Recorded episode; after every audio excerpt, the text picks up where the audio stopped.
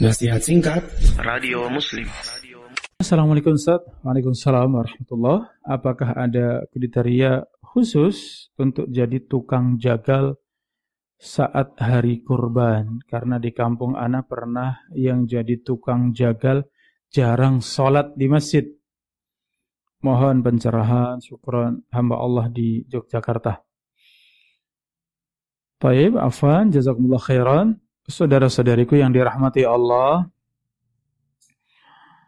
ibadah kurban salah satu ibadah yang disyariatkan di dalam agama ini dan juga syariat dibawa oleh para nabi dan para rasul.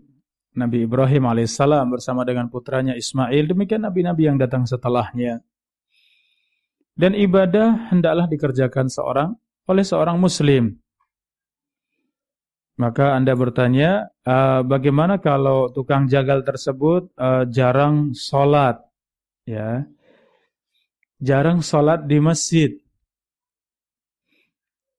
Keadaan di masyarakat kita bermacam-macam. Ada yang sudah berilmu bahwa laki-laki yang sudah dewasa, yang tidak ada uzur, tidak ada penghalang, maka wajib untuk sholat berjamaah. Ada yang sudah berilmu demikian. Dan masih banyak masyarakat yang jahil, masyarakat yang belum mengenal sunnah tersebut atau kewajiban tersebut, merasa sholat yang penting mengerjakan lima waktu. Adapun berjamaah maka sesuatu yang sunnah, sesuatu yang tidak harus. Sehingga sebagian mengerjakan mengerjakan di rumah. Ya, dalam keadaan seperti ini maka mereka masih dikatakan muslim karena mereka juga menunaikan menunaikan salat. Ya oleh karenanya pertanyaan Anda uh, jarang sholat di masjid, ya. Selama masih muslim tentu sembelihannya sembelihan yang sah. Ya, sembelihan yang diperbolehkan. Kecuali benar-benar sudah tidak sholat sama sekali.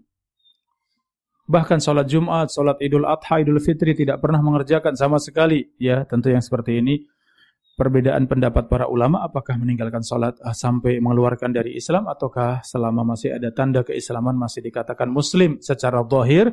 Ini perbedaan pendapat para ulama.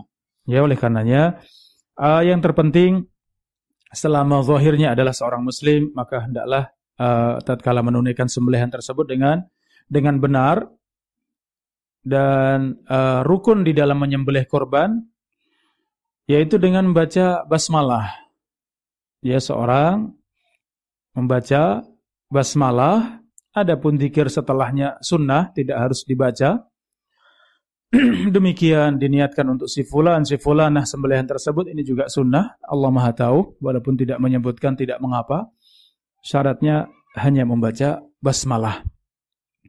Kemudian menyembelih dengan benar ya uh, jalur nafas dan juga makanan, kemudian urat kanan dan kiri salah satunya bisa terputus, ya, maka sembelihan sudah dikatakan sah.